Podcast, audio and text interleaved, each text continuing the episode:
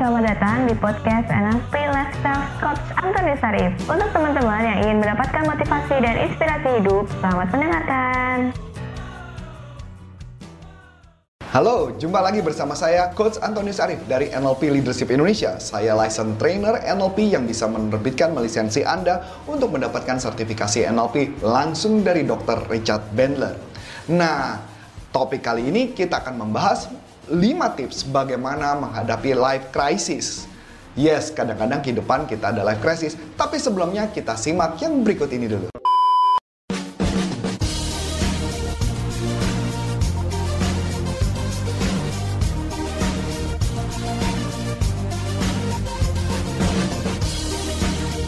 Welcome. Nah, kenapa ini ada tentang membicarakan life crisis ya? Ada beberapa orang yang mengatakan adalah quarter life crisis, ada yang mengatakan 30 life crisis, ada macam-macam lah.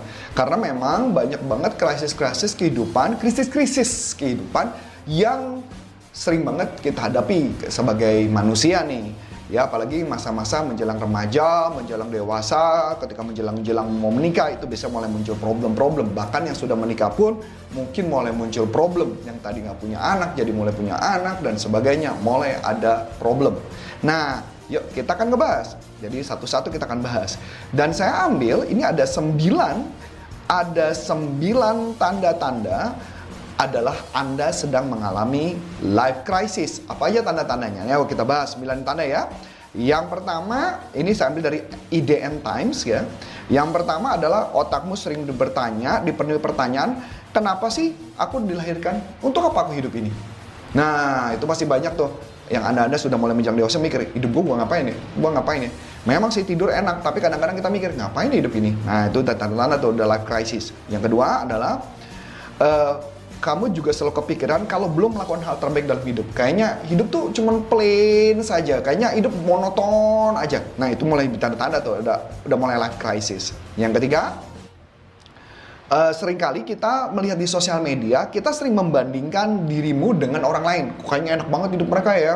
Kayaknya mereka uh, kayaknya udah punya mobil ya, kayaknya udah punya rumah ya, kayaknya jalan-jalan keluar negeri dan sebagainya dan sebagainya. Bahkan banyak banget orang yang jadi hedon hidupnya karena melihat uh, di Instagram semua kesannya indah-indah padahal belum tentu kenyataan nggak gitu ya yang keempat ya uh, sekarang tuh anda ngerasa bahwa nggak bisa lagi ngomong bahwa udah santai aja ntar lagi masalah beres kok. Udah nggak bisa tuh. Kayaknya kayaknya udah mendesak kayaknya udah terdesak banget tuh kayaknya udah eh mau nggak mau nih harus dilakukan. Nah itu tanda-tanda tuh life crisis. Yang kelima saat belanja kamu mulai mikir ulang karena mikir ulang apa?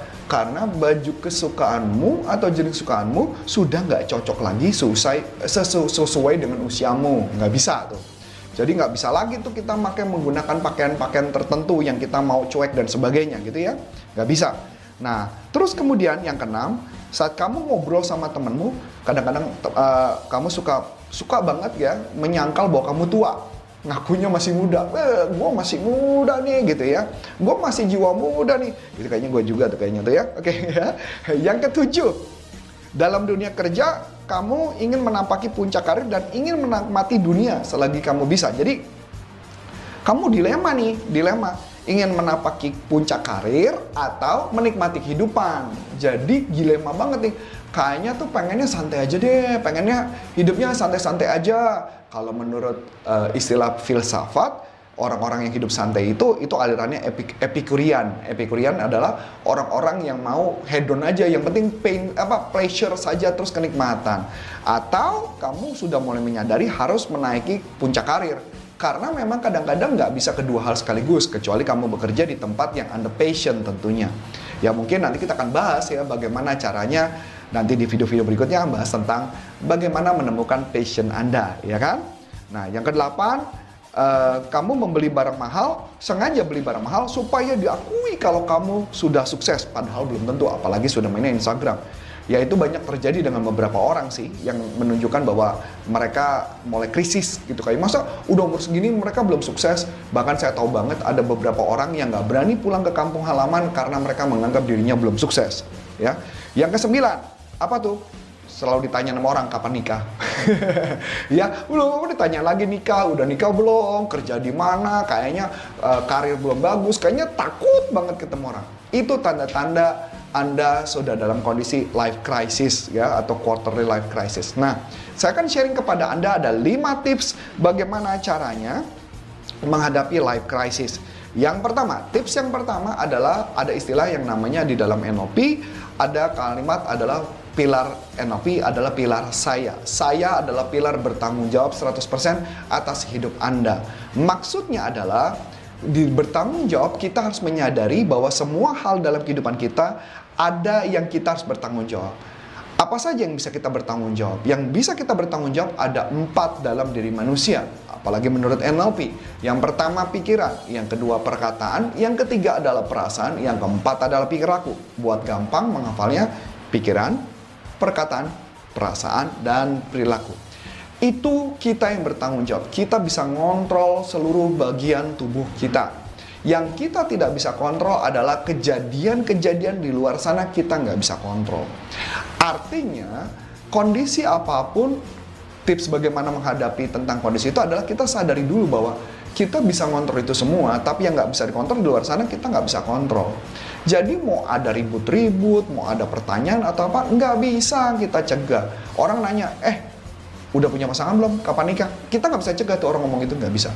Yang tapi yang bisa kita lakukan adalah kita menyadari apa yang dari pikiran kita. Daripada kita bete denger itu, akhirnya membuat kita kinerja kita jelek, mood kita jelek, bisa seharian mutung, bahkan nggak mau keluar dan sebagainya itu bahaya banget.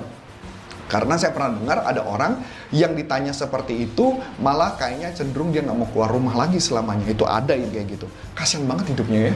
Nah, jadi Anda sadari ada yang bisa dikontrol, ada yang nggak bisa dikontrol. Hidup ini di dunia uh, selalu kalau yang paling saya suka adalah perkataan saya lupa apa perkataan dari salah satu filsuf apakah itu uh, Epictetus atau Seneca dia mengatakan kehidupan itu jangan Anda anggap seperti menari dance, tapi hidup itu Anda anggap sebagai seperti bermain wrestling. Bukan melamdel kontak Anda yang beri menaling tapi ada pada ada kita banyak naprak gak rala aku lapar gam jog gam jaga menudah siang orang nggak ada tanya ada yang namanya kegampar ada yang bolak balik dan tapi kita nggak sakit hati sama kehidupan.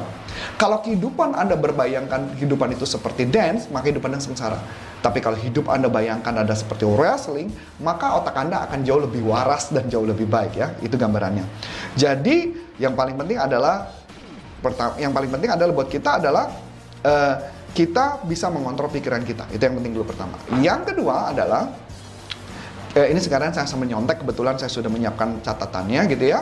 Bedakan antara fakta dengan persepsi. Maksudnya gimana? Nah, ketika ada orang bertanya, "Masa udah tua? Masa udah umur segini kamu belum nikah?" Nah, kita bedakan fakta mana persepsi. Mana yang fakta? Umur segini itu fakta. Masa belum nikah itu persepsi. Kenapa? Karena itu adalah istilahnya namanya value judgment. Orang menuduh, orang melabel umur segini harusnya menikah. Kalau Anda tanya, banyak nggak orang di luar segitu itu belum menikah? Banyak banget. Jadi kita harus bedakan dulu mana fakta, mana persepsi. Jadi nggak perlu sakit hati. Contoh lagi ngeliat di Instagram, ada foto, dia pakai pakaian bagus, dia jalan-jalan ke luar negeri. Iya, kita lihat dulu mana faktanya, jalan-jalan ke luar negeri bisa fakta, bisa aja persepsi karena ada juga beberapa orang sekarang modelnya pakai Photoshop. Jadi di, di, di dimainkan gitu ya. Dibuat atau pernikahannya kesannya bahagia. Pak itu juga sama. Jadi kadang-kadang angle-nya foto saking bagus ya di Instagram kita tidak melihat keseluruhan picture gambarnya. Jadi kadang-kadang kita cuma melihat hanya bagian kecil saja. Nah, jadi buat kita adalah bedakan dulu mana fakta, mana persepsi. Supaya kita nggak langsung marah, supaya kita nggak kesel. Gitu ya. Jadi kalau buat saya adalah faktanya misalnya janji luar negeri. Kemudian saya cek dulu latar belakang kerja dia apa.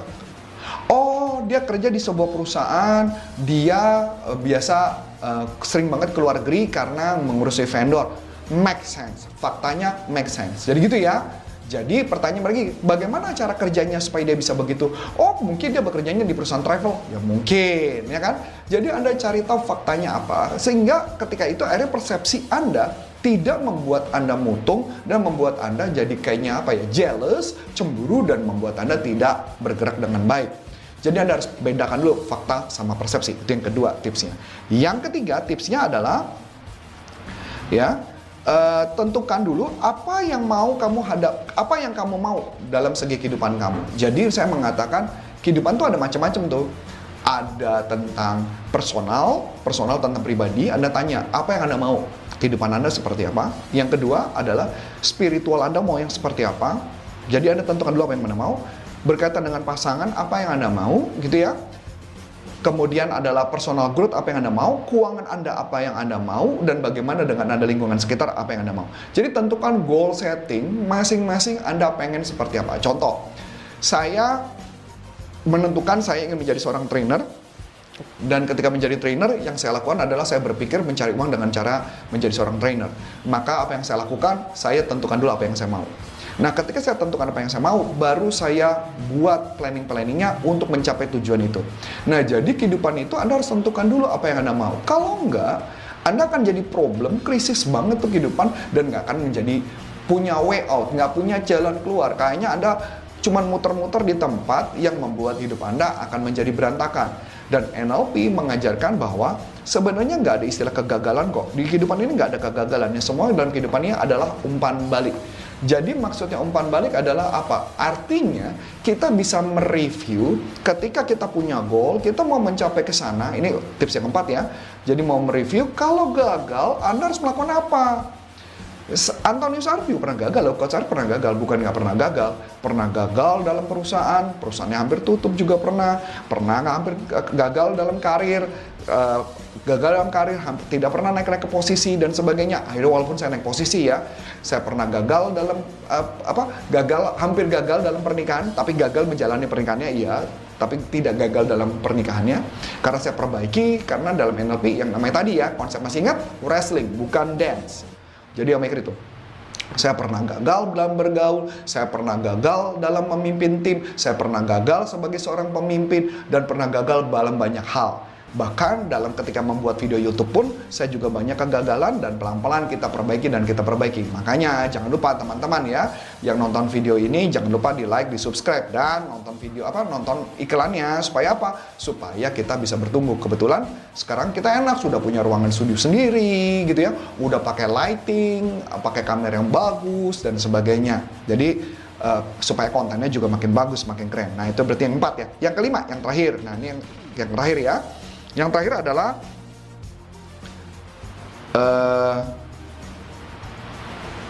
yang kelima terakhir adalah banyaklah bergaul dengan orang lain. Maksudnya apa? Menurut penelitian bahwa mengatakan kehidupan kita tergantung dari lima orang di sekitar kita. Kehidupan kita tergantung dari lima orang di sekitar kita. Maksudnya, kalau Anda coba melakukan tes, coba cek ya, teman baik Anda siapa, gaji mereka berapa, dijumlahkan angkanya, dibagi lima, itu adalah sama dengan jumlah gaji kamu.